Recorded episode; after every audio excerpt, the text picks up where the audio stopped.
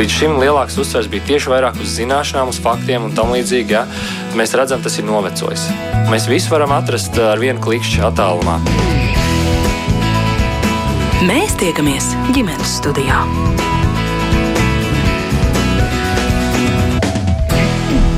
Labdien! Bērnu salīdzināšana ar pieaugušajiem ir pieaugušo ziņā un izskan bērns nav mazs pieaugušais vai arī bērni ir ļoti zinoši un vērts viņu viedoklī ieklausīties. Bet kā tad īsti ir? Cik būtiski ir bērna balss svarīgu un arī mazāk svarīgu lēmumu pieņemšanā ģimenē un vai bērns, ar kuru viedokli vecāki ir rēķinājušies, visticamāk izaug par pieaugušo, kurš līdzdalīgs ne tikai ģimenei, arī valstī svarīgu lēmumu pieņemšanā. Atbildi meklēšu es Mērķis Notiņu un ceru uz jūsu līdzdalību, iztaujājot mūsu studijas ekspertus, proti Ilzi Palēju un Lailu Balodi no Latvijas bērnu labklājības tīkla. Labdien. Labdien. Arī dzēn piecu bērnu mammu Līgu Štāli. Labdien. Un arī Rīgas sestās vidusskolas sākuma skolas skolotāju Kadriju Beiroti. Labdien! Kad arī attālināti piedalās mūsu sarunā. Bet ideja runāt par šo radās raidījuma laikā, kad ģimenes studija uzklausīja dažādu ģimeņu pieredzi, kā tas ir dzīvot laukos, un tad kāds no klausītājiem atrakstīja mums komentāru, bet vai vecāki, kuri nolēma no pilsētas pārcelties dzīvot uz mazpilsētu, saviem bērniem pajautāja, vai viņi to vēlas, un jūs, Ilis, toreiz teicāt, lūk, šis ir būtisks jautājums. Kāpēc? Tieši tā, jo man šķiet, ka bieži vien pieaugušie mēs aizmirstam pajautāt bērniem, ko viņi par to domā, jo mēs pieņemam lēmumus un, un, un izdaram to. Jo es domāju, ka šajā situācijā, par ko jūs minat, par to, ka ģimene pārceļās no pilsētas uz laukiem, faktiski bērniem mainās ļoti būtiski daudz kas. Viņiem mainās noteikti skola, ja, mainās draugi, mainās viņu vide un faktiski tā arī ir ļoti liela pārmaiņa, ja, ko viņi par to domā. Tur ir noteikti daudz, daudz jautājumu, ko vajadzētu kopā ģimenē pārunāt. Laila, kā jūtas bērns, kad viņam pajautā vai kad viņam nepajautā?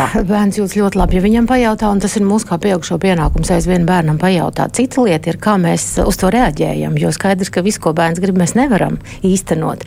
Bet mūsu, manuprāt, ļoti būtisks uzdevums ir paskaidrot, kāpēc mēs kā ģimene rīkosimies tā vai šādi, un, un, un tam bērnam dot to sajūtu, ka vienalga mēs esam pieņēmuši šo lēmumu, mēs piemēram braucam uz laukiem, bet ja tev būs no nu, situācija ABC, šobrīd mēs nevaram prognozēt, tad mēs kā vecāki rīkosimies atkal uh, attiecīgi. Jā. Tātad mums ir nepārtraukti jābūt tajā dialogā.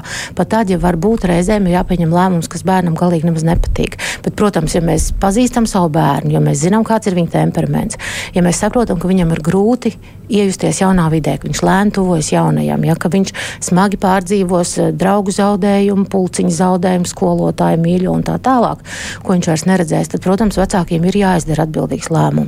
Vai šādā veidā rīkojoties, viņi savam bērnam nenodara pāri. Nu, te droši vien divi ļoti būtiski ap, nu, aspekti. Viens ir bērna vecums, un otrs, protams, nu, kas tas ir pa jautājumu, kurš ir jāizlem, cik būtisks tas ir par bērnu vecumu. Skatos uz piecu bērnu mammu, līgu. Kurš ir tas vecums, kad jūs sākat ar to mazumiņu? Nu, piemēram, ļaujat bērnam izvēlēties. Ejam uz dārziņu, tad ko mēs valkam? To balto džemperīti vai to sarkano džemperīti? Mm. Tā grūti pateikt, kurā brīdī tas sākās. Man liekas, tas jau ir no bērna piedzimšanas, kaut kā tiklīdz viņš sāk kaut kādu emocijas vai kaut kādu savu viedokli izrādīt, mēs viņā vienkārši. Sākumā es neslēpšu, tas ir ērtību labad. Man ir vieglāk uzvilkt bērnam tieši to, ko viņš vēlās, nevis uh, uzspiest savējo. Bet nu jā, mēs vēl nevaram pateikt, no kura konkrēta vecuma tas notiek. Tas notiek organiski, ikdienas dzīvē, vienkārši ļaujot, ka viņš kļūst aizvien patstāvīgāks, pieņemt arī šos lēmumus. Bet kas jūs motivē? Jo jūs jau teicāt, man kā mammai, protams, būtu ērtāk. Tā, tagad es nolieku, rekura drēbju kaudzīta, lūdzu, uz priekšu, fiks saģērbies un dodamies. Nu jā, viņš izvēlās, ko viņš vilks mugurā. Bet jūs jau to komplektu esat salikusi, vai Nē. arī tur, kad ir izvēle, tas ir tomēr garāks process. Kas jūs motivē tomēr izvēlēties šo garāko un varbūt pat nērtāko ceļu jums kā mammai? Es neteikšu, ka tas ir nērtākais ceļš. Es nezinu, man teiksim, bērniem, nu, es pasaku, aiziet pie drēbes kāpja un paskaties savas drēbes, ko tu vilksi. Protams, nu, kaut kādā divi, divi trīs gadu vecumā, bet, ja viņš zina, kur atrodas viņa drēbes, viņš tur var salikt. Protams, es paskatos, vai ir atbilstoši sezonai, bet arī tad var atrast kompromisu un pateikt, nē, uzvilksim šo vai to. Nu, kā kaut kādu diskusiju izvērš. Bet man jāsaka, man ir ērti bērni. Man viņi nekad nav protestējuši par to, kas ir jāvelk mugurā. nu, tikpat ērti, piemēram, par ēšanas jautājumiem, arī. ko arī bieži apspriež, kur top ģimenēs vairākos katlos, tāpēc, ka bērns pasaka, nē, šito es, piemēram, nēdīšu. Nē, tur, es, tur, tur ir, es pasaku, ka es neesmu kalponi, un kad jā, tas, kas ir pagatavots, tad, nu, jā, vai nu ņem un pats taisi es netaisīšu vairākos katlos. Jā, Ilza un Laila ļoti interesēti klausās. Kaut ko gribat arī te pakomentēt? Ļoti vienkārši situācijas, es domāju, ar kurām saskars katra ģimene. Es, jā, es gribēju pakomentēt, ko jūs jautājat par to, kāpēc iet to garāko ceļu. Man šķiet, ka ģimenes pamatā faktiski ir attiecības. Un šis vārds attiecības ir tas atslēgas vārds. Jo, ja mums ir savstarpējā miedarbība, tad mums arī ir attiecības un, un, un mēs vēlamies sadzirdēt viens otru. Man šķiet, ka tā ir tā galvenā lieta. Ja, ja mēs to darām tā kā uh, izsakot pavēles, vai nu, vienalga kaut kādā citā formā pasakām, tu vilksi tādu džemperītu un, un, un šodien tādu zābaciņus un iesmācīties uz to skolu. Un, um, ies spēlēt futbolu, jo man arī kādreiz gribējās to darīt. Faktiski nu, mēs paši labi saprotam, ko tas, ko tas arī nozīmē bērnam. Ja? Man liekas, ka mēs visi vēlamies, lai ģimenē būtu jaukas, uh, siltas attiecības, un mēs viens otru uzklausītu. Tāpēc arī ir svarīgi līdzdarboties un arī iesaistīt bērnus un arī uzklausīt bērnus un viņu viedokli. Jā. Laila. Jā, es par tām izvēlēm, jo te noteikti jāņem vērā vecums. Jo skaidrs, ka divgadniekam ir grūti izdarīt izvēli no visas kapju satura. Un, ja tur mums glabājās arī izējamās klētiņas vai vasaras klētiņas, tad mēs varam noriskēt, ka mums viens, nezinu, trīsgadnieks sagribēs uz to bērndārzu aiziet eh, vasaras zandalēs un, un, un, un, un baltā, baltā klētiņā, eh, kas galīgi nav atbilstoši. Un tāpēc vienmēr ir svarīgi ierobežot izvēles attiecībā, nu, ja mēs skatāmies vecumu. Un parasti iesaka, ka ir labi, ja ir divas izvēles. Ja, mēs sakam, sākam zilo vai sarkano. Jo pretējā gadījumā bērns apjūk, viņam ir pārāk maz pieredzes, lai izdarītu izvēli no pietiekami liela piedāvājuma klāsta. Bet augot bērnam, piedāvājuma klāsts arī kļūst lielāks un attiecīgi iespējas, no kā izvēlēties vai, vai opcijas, ja ne latviešu runājot, arī paliek vairāk. Un tas, manuprāt, ir jāņem vērā, jo pretējā gadījumā mēs varam iekrist tādā grāvī, ka mēs uzliekam bērnam tādu atbildību, ko viņš vēl nav spējīgs uzņemties savu vecumu dēļ. Un te ir jābūt uzmanīgiem. Tātad līdzdalībā ir gan savi plusi, gan savi mīnusi. Es piekrītu, ka tas ir ērtāk. Bet dažkārt, ja pieci bērni varbūt grib izvēlēties no skāpja katrs kaut ko, beig, beigās mēs varam riskēt neiziet no mājas līdz vakaram. Kā, nu, protams, bērniem iespējams ir labs temperaments. Jūs arī sacījāt, viegls temperaments. Tā, tā ir veiksme. Bet nu, bērni ir dažādi un atkal vecāks savus bērnus pazīst. Un visticamāk, izējot no tā, mēs varam atrast tās pareizās pieejas, lai līdzdalību arī dzīvē realizētu. Līga, jūs nepiekritāt kaut kam no liela lēlas teiktā. Nē, nē, nē, viss kārtībā. Viss kārtībā. Jā, Kadrija, kura mūsu sarunā attālināti piedalās un ir sākuma skolas skolotāja, jāsaka, ļoti aktīva skolotāja, ļoti bieži dalās ar savu viedokli un ar savu pieredzi arī sociālajos tīklos. Un es atļaujos atgādināt, Kadrija, ko jūs rakstījāt uh, dienā, kad uzzināja, ka tiek atcelts skolotāju pieteiktais streiks. Un uh, tad jūs rakstījāt tā. Lasu šodien to sašutuma, tuvu panikas, pat aizvainojumu pilnos komentārus. Kā mana bērndārzniece sašutusi? Viņa jau bija izplānojusi brīvdienās darīt to, un tagad kā lai es pasaku, ka būs jāiet pirmdien uz bērndārzu? Vai mana meita sašutusi? Ko lai es viņai saku? Viņa bija saplānojusi ar draugiem iet uz kino. Kam lai bērns tic? Un tad kādreiz saka, jūs nopietni? Bērndārznieks saplānoja brīvdienas un tam līdzīgi. Tagad kādreiz jūs smejaties, bet jūs varat paturpināt šo savu domu. Spiedze, spiedze. es varu paturpināt, jā. Um, runājot par šo lēmumu pieņemšanu, patiesībā ir uh, pieaugušajiem jāsaprot tāds, nu, tāda viena lieta, ka tad, kad mēs lūdzam, nu, vai, vai rēķinamies ar bērnu, vai prasām viņa viedokli, mēs apzināti vai neapzināti arī uzliekam viņam milzīgu atbildību. Un būtu vērts tajos brīžos, kad mēs prasām bērnam, sevišķi tur, kur izskanēja pašā sākumā par pārvākšanos uz dzīvu laukos, tad bieži vien vecāki neuzprasa bērnam viedokli sadzīviskās lietās, kur tieši varētu, bet iedomājās, ka būtu jāpaprasa viņa padoms, nu ne padoms, bet um, jāiesaist lēmumu pieņemšanā tādās nopietnās lietās, kas patiesībā ir jau pieaugušo kompetences, pieaugušo atbildību.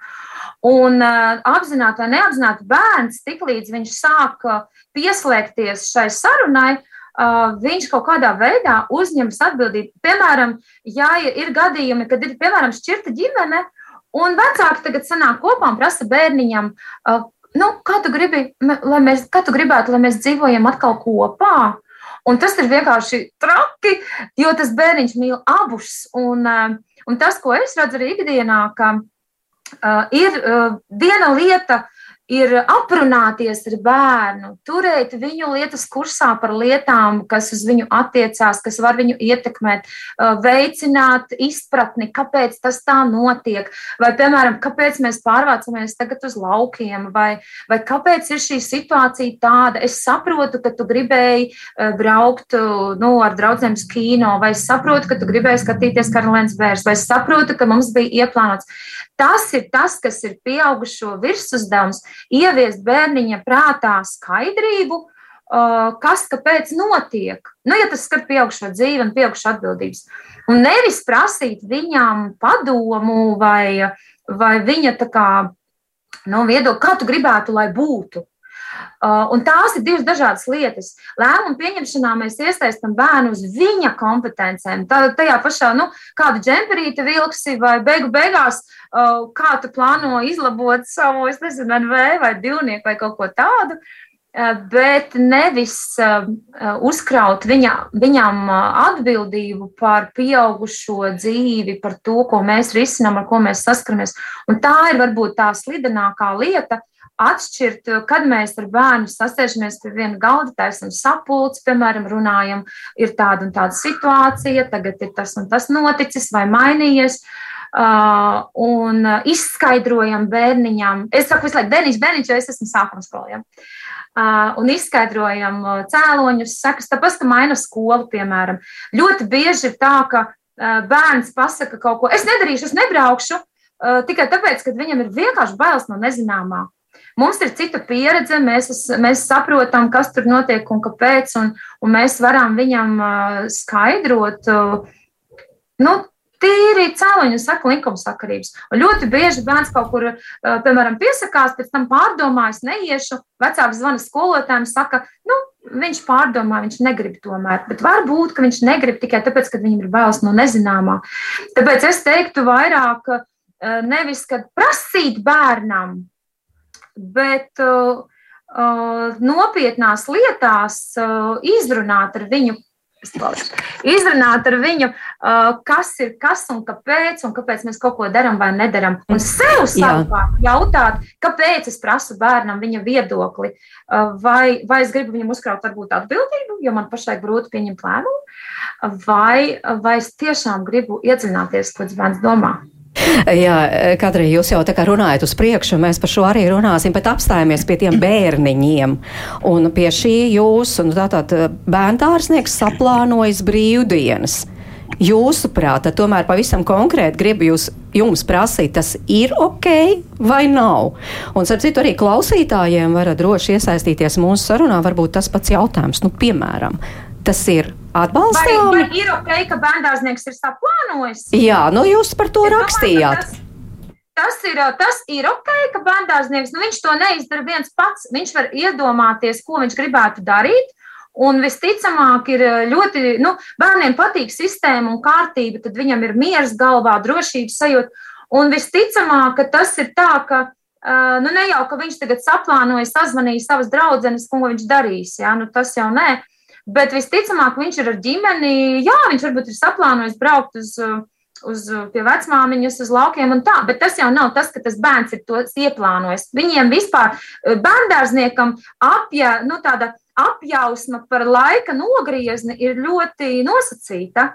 Ja? Un ir starp citu arī tā, ka ļoti daudzi bērniņi bērndārzā diendusu uzskata, ka ir jauna diena sākusies. Jo maziņāms bērns jau viņam laiks ir ļoti abstrakts, un, un daži tiešām pēc dienas domā, ka ir cita diena. Līdz ar to tā plānošana, nu tā, ka viņš pats nu sēdēja un plānoja, nu diezi vai. Nu, jā, kopā ar pieaugušo. Jā, varbūt arī iedomājas līga, nu, piemēram, šāda situācija, kā jūs kā mamma, tā kā teiktu jā vai nē. Nu, nē, bērni nesaplāno tā. Es nevaru iedomāties, ka bērnu dārznieks saplānot savu dienu. Un lūk, viņš ir saplānojis, ka šajās brīdīs, un pie tam viņš ir dusmīgs. Tagad nepiepildās tas, ko es esmu nē, nu, saplānojis. Visticamāk, jau tur ir vienkārši mamma ir saplānojusi, izstāstījusi. Bērns, protams, ir priecīgs par to, ka viņam būs brīvdiena un viss kaut ko varēs darīt. Un pēc tam, protams, šie plāni mainās. Un, protams, tad ir puņķi un asars. Bet, uh, nu, jā, varbūt tās vienkārši mamma aizsteidzās notikumiem pa priekšu. Jo nu, mēs līdz pēdējiem gaidījām, būs, nebūs, būs, nebūs. Jāsaka, man bērni arī sapriecājās, ka domāju, nu būs, nu būs. Es teicu, paga, paga, vēl nekas nav izlemts līdz galam. Un, nu, viņi, ne, ne, ne, viņi neko tādu nesaplānoja, un viņi plāni nenojuka.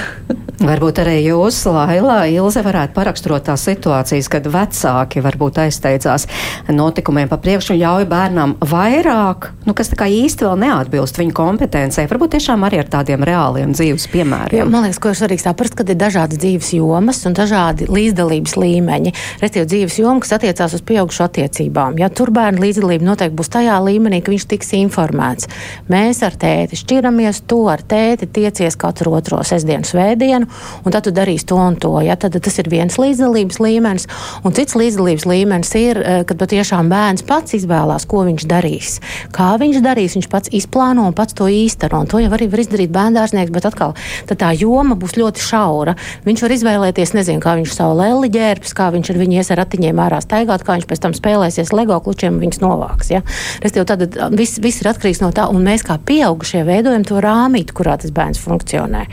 Un šeit, man liekas, mums pašiem kā pieaugušiem reizēm apjukums ir atnācis. Ja mēs tā kā negribam pieņemt lēmumus un uzņemties atbildību par mūsu attiecībām šķiršanās gadījumā, un tur mēs iesaistām bērnu, un tāpat laikā mēs reizēm kontrolējam, ar kādiem klucīšiem viņš spēlējās. Un šeit vienkārši jādomā, cik pieauguši esam mēs, un ka dažkārt tas process, ko caur bērnu iesaist, mēs gribam bērnam iemācīties elementāras lietas, pieņemt lēmumu, uzņemties atbildību par šo lēmumu. Tas tas, ko mēs iemācām caur iesaisti. Ja tā tad tu pieņem lēmumu, nezinu, spēlēties ar šo, ar šo draugu, ar šo spēli tajā vietā un uzņemies atbildību par tām sekām, kas tur būs, tad reizē mēs paši pieaugušie to neesam apguvuši, jo mēs neesam gatavi uzņemties atbildību par tiem lēmumiem, ko mēs esam pieņēmuši. Tad mēs gribam to atbildību padalīt ar bērniem. Un tas pret bērniem atkal galīgi nemaz nav godīgi. Ja? Teiksim, pieņemt nu, lēmumu, pie kā tu tagad paliksi pēc šķiršanās. Lai gan mūsu likumi to kaut kādā mērā pat veicina, saka, ka tā ir bērnu līdzdalība. Bet mēs arī darbdedzē uzskatām, ka tā ir nu, pilnīgi bērnu emocionāla varmākošana. Jā, ļoti skarbus vārdus es šobrīd lietoju, jo bērnam nav jāuzņemas atbildība jautājumos, kas ir pieaugušo cilvēku atbildības joma. -hmm. Tā kā šeit mums vienkārši nedaudz, nu, mēs lasām ceļā uz to īsto līdzdalību, tāpēc mēs dažkārt apjūkam. Nu jā, bet tas jau atkal runājot par tiem bērniem, kur ir virs 12 gadu vecuma, jo ir ļoti šis dominē tas piemērs par šķiršanās, un, un tad tiešām bērniem jautā, bet droši vien divgadniekam jau nejautā šādu jautājumu jautājumu. Jautā jau, kad bērns ir, ir tomēr vecāks, bet šis rāmītis, Ilze, nu kas ir tas rāmītis, ko vecākam, domājot tomēr par to pirmskolu un sākuma skolu, būtu jānovelk un kur jāuzņemas tās vecāku atbildības? Jā, man grūti atbildēt par tādu konkrētu rāmi, ja jūs jautājat, kas ir tas rāmis. Bet uh, es noteikti. Nu, piemēram, nu, mēs taču neļaujam bērniem izlemt, uh, iesim, ja tu iesi uz skolu vai tu neiesi uz protams, skolu. Jā, piemēram, protams, nu, tas protams, taču ir tas rāmis. Jā, protams, tas ir tas, ko Laila teica, ka faktiski.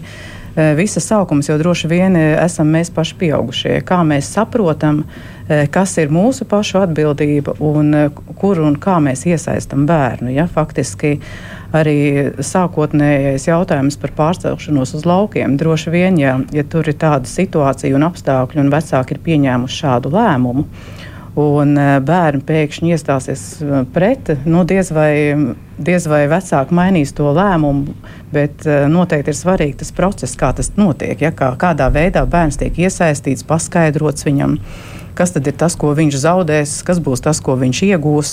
Un faktiski tādā veidā viņu, viņu iesaistot, arī paskaidrojot un, un izstāstot plusus un mīnus, mēs pieņemam to galīgo pieaugušā lēmumu. Ja? Jā, un, mēs te, protams, bērni ļoti cieši saistīti ar to izglītības sistēmu. Nu, piemēram, par skolu skaidrs, par interešu izglītību. Visbiežāk diskutēts jautājums, labi, par skolu nav jautājumu, Jā. par interešu izglītību. Ieklausīties bērni. Es gribu līgai vispirms pajautāt. Ieklausīties droši vien, ka kāds no jūsu pieciem bērniem jau arī ir teicis. Es zinu, ka viņi aktīvi, es vismaz tā esmu lasījis, aktīvi iesaistās un, un uh, droši vien kādreiz ir pateikuši, nē, negribu, un it kā tas ir bērnu lēmums. Uh, jā ir tā, ka līdz kaut kādam vecumam vecāki droši vien izvēlās izvērtējot bērnu par interešu izglītību. Sāksim ar to, ka kaut kādā brīdī, jo nu, kā, novērtē bērnu un iesaista, teiksim, es varu teikt, ka vecāko dēlu sākumā ved uz. Uh, dejošanu, pēc tam bija bungas, tad bija atkal dejošana, tas bija jau breakdance, un uh, tad viņš pievērsās riteņbraukšanai. Ah, vēl pa vidu bija airēšana. Bet tad visos tajos brīžos, kad bērns pirmkārt teica, es iešu, un pēc tam teica, neiešu, Kā jūs respektējāt? Bija sākumā, kad uh, sākotnēji, teiksim, tas uh, dejošana, es tā kā vairāk, ne, viņš izteica vēl pēc bungām, un es tā kā piekritu. Un, uh, Tas bija tāds mūsu abu kopējais lēmums. Uh, viņam bija kaut kādi gadi seši. Uh, pēc tam mēs tā kā tas uh, bungas vienkārši izbeidzās, jo pats skolotājs atteicās pa, pasniegt stundas, un līdz ar to mēs sākām. Un breakdance es viņam piedāvāju. Un viņš piekrita, gāja, un, un, un, un pēc tam kaut kā nu, paralēli bija skolā ērēšana. Bet, uh, tur bija dažādi apstākļi, kad viņš izteica, ka īsti nē, un es viņam piedāvāju, ka klausies, ir riteņbraukšana. Nu, negribi pamēģināt. Jā, es gribu, es jau baidījos, es jau, ne, es jau domāju, ka tu negribēsi, lai es mainu kaut ko. Saku, kāpēc? Nē, nu, tā kā mēs izrunājām, viņš mainīja. Tad vienu brīdi viņš gāja abos pulciņos. Tad bija tāda situācija, kad viņš vairāk pievērsās uh, šiem riteņbraukšanai, ar ko viņš arī šobrīd nodarbojās. Tur viņš man ir paspējis pārsteigt, um, uh, pieņemot lēmumus Un, un to breakdance viņš lika malā. Es jau redzu, ka viņam patīk, ka viņam tas ir iekšā, bet viņš jau sāka jau par to runāt, ka nē, nē, nē, nē. es vēl viņu mēģināju visādi tur apvārdot, un teikt, nu, varbūt pamēģināt. Bet beigās teicu, labi, paņemsim pauzi. Jo tas ir man vieglāk arī pieņemt to, ka viņš vairāk negrib iet uz to breakdance. Man liekas, ka viņam tur nu, tas, tā dēļa ir iekšā joprojām. Un, un es teicu, labi, paņemam pauzi gadu pauzi, un tad paskatīsimies, kā būs. Nu, protams, viņš neatgriezās pie brīvdienas, viņš aizbrauca vispār uz mūrjāņiem mācīties. Un tas bija viņa lēmums, kā mēs vispār nebijām sagatavoti. Kadrī, cik jūsuprāt būtiski ir, ka, š, nu, piemēram, šis jautājums, interešu izglītība, cik, cik būtiski ir tā vecāka iesaiste lēmumu pieņemšanā? Kad, kad vajag un kad nevajag vajag uh, vispār obligāti, jo, jo nu, kā, nu, ja nav viņš jau, pieņemsim, maziņais pirmā klasē, viņam jau pat nav priekšstata, ka kaut kas tāds ir iespējams. Ja? Nu, nereti viņš varbūt pat nezina, ka ir tāda pulciņa un tā. Bet pēc tam redziet, kā ir. Uh, ar vienu, ar vienu, ar katru, nezinu, mēnesi, pusgadu uh, uzrādās uh, tā pieredze lielāka un lielāka. Un, ja viņš bērns, piemēram, pirmajā klasītē, 1. septembrī uzzina, ka ir, piemēram, tautas dēļ sporta pulciņš un viss, tad mēs aizējam, piemēram, uz, nezinu, uz Ansels pulciņiem un uzzinām, ka tur ir vēl, vēl, vēl, vēl, vēl. Un viņam var kaut kādā brīdī gribēties vēl to, vēl to, vēl to, vēl to. Tā kā tā vecāka iesaist, es domāju, ka ir, uh, ir noteikti pirms tam jau ir ļoti patiesībā jāpavēro, uz ko tam bērnam ir vilkme. Ja? Uh, Un, un tad droši vien, ja ir tā mētāšanās, tad ir droši vien ir vērts vienoties par kaut kādu laika, eh, laika nogriezni. Jo ļoti bieži ir tā, ka tam bērnam eh, gribētos un patīk, un viss ir labi, bet viņš sas, saskarās ar kaut kādām grūtībām. Ja? Man ļoti patīk, piemēram, tas un tas, bet lai augtu, man, es nevis tikai uh, smuku spēlēju, bet man ir ar kaut kādu sarežģījumu. Un dabiski, ka bērnam, kā jau jebkuram cilvēkam, tiklīdz tev ir izaicinājums, pirmā doma, man to nevajag, es to vairs negribu. Vai pirmais konflikts, vai uh, tagad ar tikko mums ar meitenīti bija klasē, skatos viņa astars acīs. Izrādās, viņa tagad spēlē, viņa ļoti spējīga savā grupā, un viņa tagad sāk spēlēt kopā ar divu gadu vecākām meitenēm. Man liekas, ka basketbols vai kaut kas. Un viņai tagad tas tur sacīs, un vairs tā kā negribās, jo tu vairs neesi wow, pir, pirmā un zvaigzne. Ja? Tā kā tas ir vecākiem, manuprāt, ļoti, ļoti jāpaskatās, jāpavēro, jāizprasa no bērna bez tā sava, uh, nu, tādām savām jau gaidām. Nu, viņš noteikti negrib iet, tāpēc kā. Ja? Mm -hmm. Vienkārši izrunāties, kas tas tur ir, kāpēc kaut kādas izmaiņas, kāpēc, kāpēc kaut ko negribu pēkšņi, vai gribu vēl kaut ko, vai tā ir iegriba, vai tās ir bailes no tā, ka es netikšu galā, vai no tā, ka tur man citi prot labāk. Es pati ģitāru mācos spēlēt ārprāts, kad es biju pasākumu, kur visi spēlē. Es sapratu, ka es neko nemāku. Nodarbībās es spēlēju, man likās tīri labi. Ja? Tā kā tas ir vēl viens, kāpēc bērns varētu izvairīties. Kaut arī sirsnīgi Jā, jā droši vien, ka šo varētu iztirzāt no, no ļoti dažādiem skatu punktiem. Jā, mums ir jā. bijuši raidījumi, kur mēs par šo vien runājam, interešu izglītību, bet tieši no tā lēmuma pieņemšanas viedokļa. Laila, tikai jā. no šī aspekta skatoties. Jā, nu, divi aspekti. Manuprāt, vecākiem jānovēro bērni, un mēs nekādā veidā nevaram piedāvāt bērnam ar zemu aktivitātes līmeni futbolu vai ar augstu aktivitātes līmeni gleznošanu. Ja? Un, un līdz ar to tas piedāvājums, ko mēs tam bērnam dosim, tātad vai tu iesi spēlēt florbolu vai futbolu, ja zini, ka man ir bērns ar augstu aktivitātes līmeni. Vai tu esi keramikas pulciņā vai zīmēšanas pulciņā, ja man bērns ar zemu aktivitātes līmeni. Restīvi, mēs vienalga to, to piedāvājumu kopumu mēs izvēlamies. Un cita lieta ir šeit pilnīgi piekrītu tam, ka eh, nu, bērni patiešām reizēm mēdz mest plinti krūmos, ja kaut kas nesanāk. Un te nu gan mums ir svarīgi kā vecākiem nevis uzreiz teikt, jā, labi, negrib bērniņu, nē, bet vismaz izdomāt kādus eh, pamatotus iemeslus, kāpēc kaut kas ir jāpabeidz. Nezinu, līdz gada beigām, līdz mācību gada beigām, jo te mēs atkal tādā veidā bērnam mācām mācām, nu, tomēr lietas novest līdz galam un varbūt arī kādas grūtības pārvarēt. Jo pretējā gadījumā mēs tā mētāsimies pa visiem pulciņiem un neko arī neatradīsim, kas mums patīk. Tā kā mēs dodam bērnam iespēju, bet atkal to rāmīt, kurā viņš funkcionē, to nosakām mēs, novērojot un ņemot vērā mūsu pieredzi. Gribu ieskatīties, nolasīt arī dažus komentārus, kur, kuri šeit ir mums studijā. Māra raksta, galu beigās bērnam jau arī jāiemācās tikt galā ar vilšanās sajūtu, labāk, ka tas notiek atbalstošā ģimenē, vai arī, piemēram, Ilona raksta, šovasar pārcēlāmies no Rīgas uz laukiem, pirms pārcelšanās runāja ar 9 gadus veco bērnu un priecājos, ka viņš piekrita. Apmēram pēc mēneša, kad jau bērns bija pieregistrēts jaunajā skolā, es viņu slavēju par to, ka piekrita pārmaiņām, bet viņš man negaidīt apvaicājās. Es piekritu, sapratu, ka neesmu pietiekoši izskaidrojis pārmaiņu procesu, saskaņojusi ar bērnu, un tas nenozīmē tikai saņemt piekrišanu. Ja vēlreiz būtu šāda situācija, tad es viņam izskaidrotu sīkāk, kas būs jaunajā vietā, kas vairs nebūs, un priecājos, ka pagaidām viss iet labi. Kaut gan var būt, ka kaut kas arī tiek noklusēts. Jā, un te vēl viens viedoklis, tūlīt atradīšu. Uh, manuprāt, uh, vecāku lielākā problēma ir saprast, kas tad ir vai nav bērnu kompetence. Un tad vai nu nejautājam viedokli nemaz un nedodam izvēles iespējas, vai arī uzgrūžam bērnam pieaugušo atbildību. Ko jūs gribētu no šī pakomentēt, Ilze?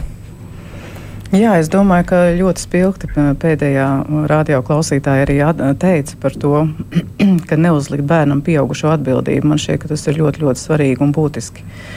Un droši vien tas ir saistīts ar to, cik mēs kā pieaugušie paši esam kļuvuši pieauguši. Ja? Cik mēs spējam paši pieņemt lēmumus un, un viņus kaut kā nemēģināt pārlikt uz, uz bērnu vai kaut kā iesaistīt bērnu tādos jautājumos, kas galīgi nav viņam varbūt ne vecumam un, un viņam atbilstoši. Es domāju, ka tas ir svarīgi, cik mēs paši esam nobrieduši.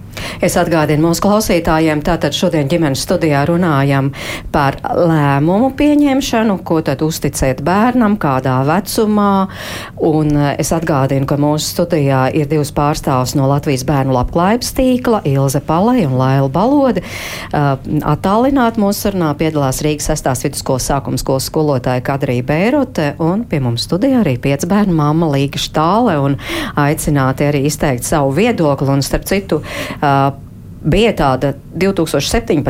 gadā bērnu labsajūtas aptauja, vismaz tā es atradu, un tur arī jautāja uh, bērniem, kā tad īsti ir, un, un tur bija tādi rezultāti, ka bērni teica, mājās es varu brīvi paust savus uzskats, un tie bija tikai 12,6%, vecāki ņem vērā manu viedokli 16,4%, ja vecāki ļauj man pašam, pašai pieņemt lēmumus 27,7%.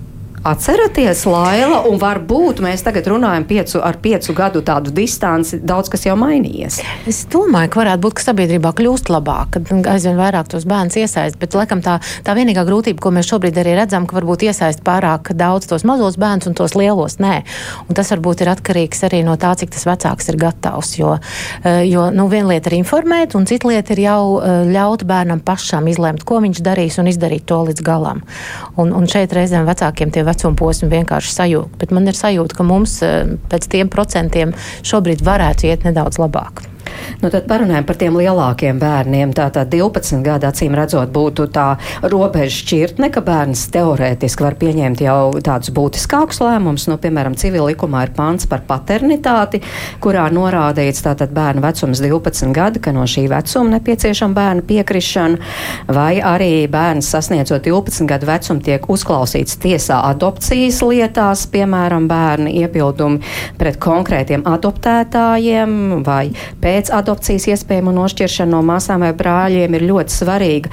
12 gadi ir tā vecuma robeža, ka tiešām jau šie būtiskie jautājumi bērnam tiek prasīti. Jūs jau daudz par to šķiršanās brīdi teicāt, bet nu arī vēl nu, līdzīgi. Nu, kā lai saka, nu, būtu ļoti viegli pateikt, iespraust to, to, to karodziņu un pateikt, ka 12 gados var, nu, tas ir ļoti individuāli, jo no vienas puses mēs sakam, jā, tad personība it kā ir nobriedusi, viņi varētu to lēmumu pieņemt, bet atkal tajā personības nobriešanas procesā, ja līdz tam viss ir bijis kārtībā un bērnam ir dot iespēju izpausties un, un, un, un strīdēties un varbūt uh, kaut kādā mērā arī kļūdīties. Un kāds pieaugušais ir blakām, kas visam tam cauri viņa izved. Tā ir viena situācija, cita situācija. Nu, Kad, kad tāds nav, un bērns arī savos 12 gados pēkšņi viņš nekļūst tāds, kurš ir spējīgs pieņemt lēmumu, apzināties visas tās sekas, ko tas lēmums nozīmē. Tāpēc nu, šis ir tāds, tā, tā ir laba griba, kas parādās mūsu, mūsu likumdošanā, bet manuprāt, arī tur būtu jāpieiet ļoti, ļoti individuāli. Līga, kāds no jūsējiem ir 12 gadīgs, no jūsu pieciem bērniem? nu, man ir 19, 14, 13, 7 un 2. Nu, tad tuvi, tuvu tam, nu par to 13 gadīgo domājot, tu tik atbildīgs no lēmums. Atšķirās, kā jau teicu, nevar nospraust tiešām, jo es varu jau savā ģimenē salīdzināt, cik man atbildīgs un, teiksim, patstāvīgs bija vecākais dēls, tik otrs dēls ir diezgan klus un introverts, un viņam ir daudz grūtāk pieņemt kaut kādus. Viņš, protams, protams, pieņem lēmumus, bet viņš ir tāds kūtrāks. Vecākā meita, kurai šobrīd ir 13 gadi, Viņa ir pilnīgi tāda pati kā vecākais dēls. Viņa iet un dara, un, un man viņai, es viņai tiešām paprasu viedokli daudzās lietās, un viņa man atbalsta, un es viņu atbalstu. Uh, ja es, teiksim, skatos tagad uz savu septiņgadnieci, nu, pēc pieci gadi, man nav vēl šobrīd pārliecības, ka viņa arī būs tāda ļoti tāda atbildīga un patstāvīga. Jā. Tā kā bērns no bērna atšķirās, un tas ir jāvērtē. Kāda ir jūsu piebilde? Mana piebilde savukārt ir par to, ka ļoti bieži vecāki dzen zirgus. Es ar to domāju, ka ļoti bieži vecāki ir milzīgā steigā, nu, stresa arī, bet tādā steigā savā ritmā. Un nereti ir tā, ka to atbildi no bērna un lēmumu pieņemšanu gribas nu, tagad ātri. Tā pašā arī, arī darbiņa iesaistīšanā visādās tādās lietās. Uh, Bet eh, sarunā ar bērnu, eh, ar pusaudzi, ar, ar, nu, vispār ar jebkuru cilvēku, viņa prasa eh, tomēr uzmanību, klātesamību. Un ļoti bieži ir tā, ka tā starp citu to ar to bērnu runā, Un tā, starp citu, viņš tev to atbildi nedod uzreiz. Un, un pieaugušais varbūt pieņem lēmumu viņa vietā, jo tu man toreiz nepateici, bet tam ir vajadzīgs laiks. Un, un sevišķi, ja tie ir pusauģi un pats, nu, kas jau ir jau lielāki, ja tas nav darīts līdz tam, tajā pirmajā, otrajā, trešajā klasē, kāpēc gan, lai viņš 12, 13, 14 gados uh, normāli pieņemtu savu kaut kādu lēmumu un uzskatītu, ka tev tiešām tas rūp. Līdz ar to man liekas, ka ir uh, liela pieaugušo kļūda, ka viņi tam nereti nevelta pietiekami daudz uh, laika, uh, klātesamības, acu kontakta, nu, kā mēs runājam savā starpā. Un tas savukārt rada sarunai paviršības sajūtu un bērnam, uh, kāpēc gan lai es tagad iedziļinātos un domātu, ja tev līdz šim nekas nav bijis īsti svarīgs. Ja, tā kā, tas tāds vēl viens klupšanas akmens, ko es redzu arī ikdienā Eh, kad noķert mirklē zastes un veltīt tam pietiekami daudz eh, klātesamības un eh, uzmanības un laika. Pietiekami daudz laika.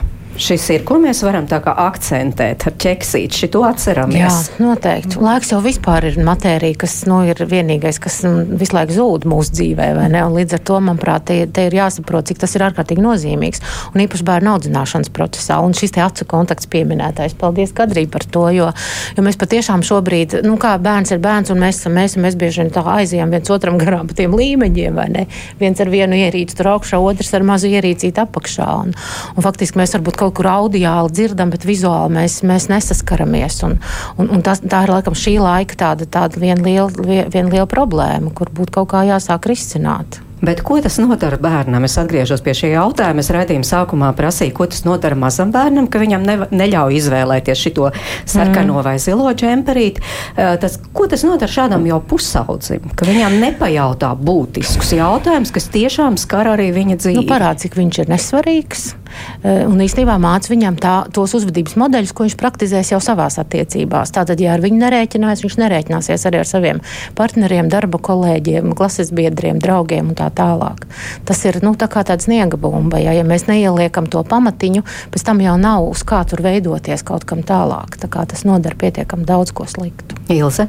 Noteikti es arī to varētu papildināt. Jā, ka nejautājot, mēs sakam to, ka faktiski droši vien eh, es neesmu svarīgs. Ja? Mm, nav svarīgas manas domas, un, eh, un droši vien tam pieaugušajam arī nav svarīgi arī manas jūtas vai emocijas, ko, ko es par to domāju un kā es jūtos tajā situācijā. Man šķiet, jā, tas viennozīmīgi tikai palielina tādu sajūtu, es domāju, gan par tādu mazvērtību, kas var veidoties ar vien lielāku un lielāku, ja, ka es jau neesmu nekas. Ja.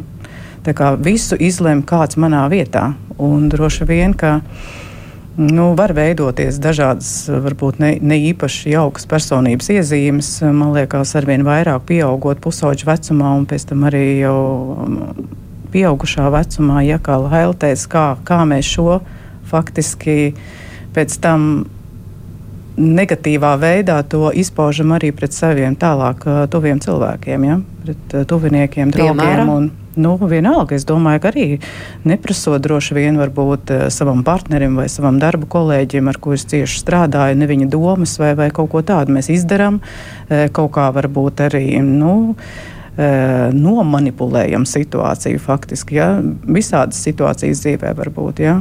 Ja ar mani nerēķinājās, faktiski es arī neesmu iemācījies, kā ir, ka es varu jautāt cita viedokli un arī nonākt pie kaut kāda kopēja rezultātu. Es domāju, ka tas ir diezgan ļoti, ļoti nopietni. Nu, tā ir ja tā dziļāk skatās. Bet vai tas kaut kādā ziņā korelē ar šo pusauģa spēju jau šajā vecumā pateikt arī nē, piemēram, tā pašapziņīgi pateikt nē, Protams. piemēram, saviem draugiem, Jā. ka nē, es uz šitām nu, ne, neiesaistīšos riskantās situācijās Tieši vai tam tā. līdzīgi. Tam Tieši ir saistība. Protams, ir diezgan liela saistība, jo tas ir risks uzreiz kādai antisociālai uzvedībai un tā tālāk. Un vēl viena lieta, varbūt kādas ir sekas. Šeit izaug paudze vai cilvēku grupa, kurai ir cieša pārliecība, ka manam viedoklim nav nozīme, un manā vietā izlemj kāds cits, un kā izlems, tā būs labi. Un šeit mēs varam skatīties uz mūsu neseno vēlēšanu rezultātiem, kāpēc ir tik daudz cilvēku, kur neaiziet vēlēt. Un tad, kad viņiem uzdod jautājumu šajās ielu intervijās, ko viņi saka, kāda nozīme, tāpat jau viss ir izlēmts, ko, ko tas, nu, man nav nekāda jēga, ka es tur eju un savu laiku tērēju. Tā principā ir arī ļoti cieša korelācija ar to, ka kāds kādreiz nav interesējies par tavu viedokli. Tāpat viss ir noticis. Jā, ir bijis atnest mājā ko ēst, un tu tāpat uz skolas ticis aizvest, tad nu, lietas tā kā norisinās bez tavas līdzdalības. Un izaugot lielam, tev principā tā pārliecība tevī paliek. Ir kaut kāda lielie tur augšā, kas lemj par šīm dzīves it lietām, it kā, un mm. ko tad mhm. es tur, ja es neiešu savu laiku šādiem niekiem tērēt. Nu, bet liek, tad ņemot vērā pusauģa vecumu, tad biežāk varbūt arī skan šis pusauģa. Nē, nē, nē. Nu, tās ir pusauģa vecuma īpatnības. Nu. Un bērns ir izsaka savu viedokli, un vecākiem vēl grūtāk. Nu, man ir paveicies. Man nav bijis saskarsme ar ļoti izteiktu pusauģu. Nē, uz kaut ko. Un arī mums dzīvē nav bijuši jāpieņem tādi ļoti lieli lēmumi, kas ļoti ietekmētu mūsu dzīvesveidu un visu pārējo. Mums tā diezgan vismierīgi izņemot. Šī gadījumā no otras puses var pastāstīt gadījumu ar savu vecāko dēlu, kurš vienkārši 8. klases beigās izlēma iet uz Mūrjāņiem 9. klasi, sākt Mūrjāņu vidus gimnāzijā mācīties. Un viņš vienkārši to man izdarīja aizmuguriski, neinformējot. Un es, kad sāku interesēties tālāk par to, es teicu, kā nu viņš no sākuma sākuma bija sarunājis ar savu treneri, ka viņu aizbrauc uz nometni. Es tagad beigās zvanu tam trenerim, prasu, vai tiešām nevajag medicīnisko izziņu par to, ka viņš tajā nometnē piedalās. Un tā, starp citu, es tikai uzzinu, ka viņš taisās. Kas saka, taisās uz mūrjāņiem, un tajā brīdī man bija tāds šoks. Bet es pieņēmu, izrunājām to lēmumu, jo viņš jau pirms tam man bija teicis, un es to biju tā, ka, nu, jā, jā, kaut kad, nē, pagaidām, es saku, pabeidzu pamatskolu, tad skatīsimies. Bet nē, viņš mērķiecīgi aizgāja, pieņēma šo lēmumu, un, un man tikai nācās aizvest dokumentus un samierināties ar to, ka viņš ir izvēlējies to savu ceļu, un tas nav jau tas sliktākais variants, un kā, atbalstīt viņu. Uzteicami! Es domāju, ka jā, jā, izklausās brīnišķīgi, forši. Mm -hmm. Vēl viens komentārs, Agnēs, eh, mums raksta, mana māma teica tā, tev negribas vai tu negribi? Ja tev negribas, tad tā ir kaprīze, un tas drīz pāries. Ja tu negribi, tad es to respektēju. Brīnišķīgi. Arī jā, laba tāda dzīves mācība. Bet, kā mēs zinām, ģimenēs ļoti dažādi. Mēs šobrīd vairāk par ģimenēm runājam, bet par skolu domājot. Vai skola arī var būt vieta, kur bērniem māca pieņemt tos lēmumus? Un es atkal atgriežos ļoti vecās aptaujas, 2017. gads, un tur bērni saka, skolotāji uzklaus manu viedokli, un ir tikai, tas ir tikai 21%, kur tā saka. Tātad pārējie 80% saka, nē, neuzklaus. Un tad ir vēl tur tādas aptājas, kur, kur paši jaunieši atzīst, nu jā, manu viedokli skolā galvenokārt uzklausa, kad mēs plānojam ekskursijas vai mēs plānojam, piemēram, kā pavadīt klases vakaru. Nu, tas, tās, tās vēl ir tās lietas, jā, bet pārējais, kā mēs iekārtosim skolas vidi, kā mēs organizēsim mācību procesu, vai, piemēram, tomēr nebūtu liederīgi uh, mācību stundu, un es tagad fantazēju sākt, piemēram, nevis astoņos, bet deviņos deviņos, kad, kā zināms, pusauģi, piemēram, labāk pamodušies un var pieslēgties darbam. Šādus jautājumus ar pusauģiem neapspriež. Tas ir normāli, tā tam vajadzētu būt, Kadrija? Nu, redziet, kā ir. Uh, Tiklīdz mēs pieslēdzamies klāt kaut kādai lielai sistēmai, tad uh, mums ir jāvadās tomēr pēc tā, ko tad arī var nodrošināt. Ja? Mēs jau varam prasīt, mēs varam prasīt, uh, uzzīmēt savu ideālo skolu un viņu uzzīmēt ar akvapārku iekšā un tā tālāk. Jautājums, ko mēs ar to darām tālāk? Vai mēs attīstam vienkārši bērnā radošo domāšanu, vai mēs viņu tiešām gribam iesaistīt lēmumu pieņemšanā? Ja ir skolās, nu, tur tās nevis pašvaldības, bet Nu, kad ir oh, tāds izkrits vārds, nu, jūs sapratāt, ka sanāk kopā jau jā, skolēnu pašpārvaldes, pašpārvaldes manuprāt, tas sauc. Jā. Pašpārvaldes, jā.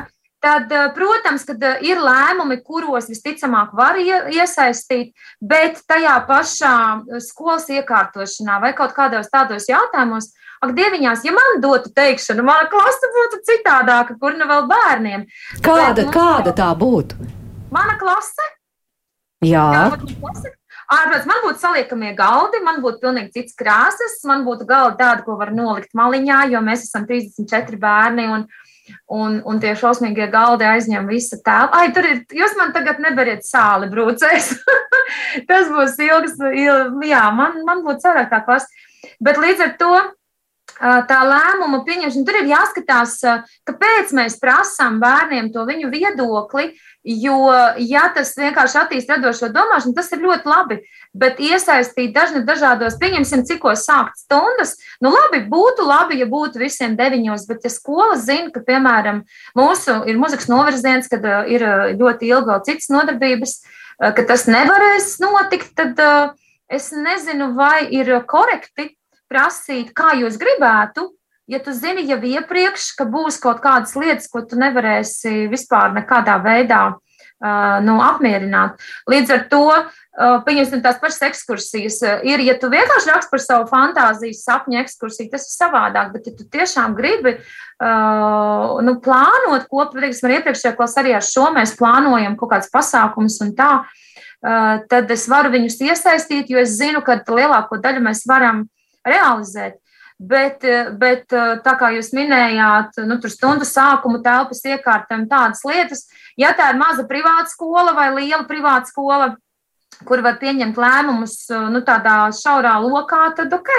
Bet, piemēram, vai Rīgas skola, kurā ir pārpa tūkstots skolēnu, ir tiesīga vispār nu, pieņemt tādus junk-junk lēmumus, Es šaubos, ir visas ugunsdrošības, visas inspekcijas, vispārējais. Līdz ar to, jā, ir demokrātija, jā, mēs iesaistam dažādos lēmumos, taču ir jāskatās, kur tu esi. Jā, vai tu to vari tā? Tāpat tās mājās arī es nevaru vienkārši izgāzt cienu, tāpēc man viņi traucē. Man ir kaut kas jāskatās vēl tālāk. Jā. Jā. Tā kā tas drīzāk aicinātu aicināt uz diskusiju, kā būtu, kā gribētu, kā darītu, ja būtu tāda, piemēram, skola vai kaut kas tāds. Bet ir, protams, lietas, kur nu, tā lēmuma pieņemšana notiek nu, hierarhijā. Cit, nu, citi to lēmumu pieņem, un nu, tā tas mm -hmm. ir. Jā, klausītāja Māra mums raksta vakar treš, trešklasnieks raud. Skolotāji vispirms saka, ka skolotāji mudina rast dažādas metodas, kā matemātikā veikt aprēķinus, bet drīz pēc tam noliedz viņu veidu, kā nonākt pie pareizā rezultāta. Kāda lēmuma trenēšana, par ko jūs runājat? Līga, jūs kā pieredzes bagāta mamma, pieci bērni, tomēr, nu, kā jūs vērojat to skolas vidi? Tur trenē lēmumu pieņemt pieņemšanu, vai tomēr nē? Mm, es domāju, ka jā. Nu, man nav sūdzības par mūsu skolu. Es domāju, ka, ka trenē gan kad viņiem ļauj kļūt patstāvīgiem, visu domāt, ir sevišķi arī tagad, kad ir pirmklasniece. Es vairāk redzu, ka satraucās tieši vecāki, nevis, nevis bērni, un skolotāji vēl un vēl atgādina, vecāki ļaujiet bērniem pašiem, lai viņi paši dara, paši lemj, paši nāk. Tā kā, nu, tā kā to, to es, tas ir tas, ko es šobrīd saskaros. Jā. Un tā arī bija ar vecākajiem bērniem, un arī joprojām tā tas ir. Varbūt vēl kāds pilgt piemērs nāk prātā, kur jums šķiet, jā, uzticēja bērniem, un bērni par to bija priecīgi un pateicīgi. Nē, uzreiz sitē nenāk nekas prātā. Par skolu. Nu, skola no skolas noteikti atšķiras. Un, un, un, kas atkal man liekas, ka klases telpas iekārtošana tā nu gan vajadzētu būt kaut kam tādam, ko, ko mums vajadzētu ļaut bērniem ar skolotājiem kopā vienoties. Kāds ir, jo es pat esmu strādājusi skolā vairākus mācību gadus eh, no vietas, un, un tad tie bija citi laiki, tad mēs drīkstējām. Tad mums nebija tik liela ierobežojuma. Bet, protams, ir jomas atkal, mēs runājam par tām jomām, bet mācību pats process, nevis tā, tas, tas apkārtam procesam, bet tas saturs, to jau gan acīm redzot nosaka nosaka profesionāļi, to nosaka pedagogi. Tur droši vien, ka bērnam nu, nevajadzētu nu, ļoti iesaistīties, vai, bet atkal viņš būtu jāinformē. Ja mēs skatāmies no lēmumu pieņemšanas līmeņa, tas ir tas informēšanas un informācijas līmenis. Jā, bez tā mēs noteikti iztikt nevaram. Tā kā te ir atkal nu, jāsaprot, kurā līmenī un, un kādā veidā mēs iesaistam, bet, bet manuprāt, skola kā vieta, viņai vēl būtu ļoti daudz kur augt. Jā, būtu daudz kur augt, un droši vien, ja mums būtu vēl viena stunda laika, mēs tad varētu turpināt arī par vecākiem, kā viņi rāda priekšzīmi. Tagad arī ļoti aktīvi iesaistās, bet vai vienmēr mērķtiecīgi tajā skolas itienē, tas cits jautājums. Bet noslēdzot mūsu sarunu, tā tāda mērķis nu, par ko mēs runājam, vai tā motivācija. Uh, kāpēc tomēr audzināt šādus bērnus, ļaut viņiem no tā divu gadu vecuma jau sākotnēji ierobežoti un tomēr aizvien vairāk ļaut viņiem pašiem pieņemt lēmumus? Kāpēc? Jautāju visiem ļoti īsi līga. Tāpēc, ka viņi izvēlēsies man pansionātu vecumdienās, nevis es. Jā, Kadrija. Tāpēc, ka iesaistoties lēmumu pieņemšanā, tu uzņemies atbildību, apzināti vai neapzināti par to, ko tu dari. Ilze. Es domāju, iesaistot mēs eh, atbildīgus cilvēkus audzinam. Un Laila. Atbildības uzņemšanās noteikti, noteikti ir kaut kas, kas mums ir jāiemācās. Jo? Nu, lai, lai varētu mūsu sabiedrība būt labāka, un gala beigās tam, par to pansionātu pilnīgi piekrītu. Ja? Tātad mums ir, nu, mums ir vajadzīgi labi lēmumu pieņēmēji nākotnē, kas lems par mums, kad mēs vairs nebūsim tajā, tajā lomā, tajā lēmumu pieņēmēju lomā. Paldies sarunas viešņām Ilzē Palējai, Lailai Balodai, Kadrijai Beirotei un Līgai Štālai. Paldies, ka iesaistījāties šajā sarunā arī klausītājiem. Mīši, paldies, ka līdzdarbojās. Radījuma producenti Ilza Zvaigznes, Mērits Notiņa pie mikrofona.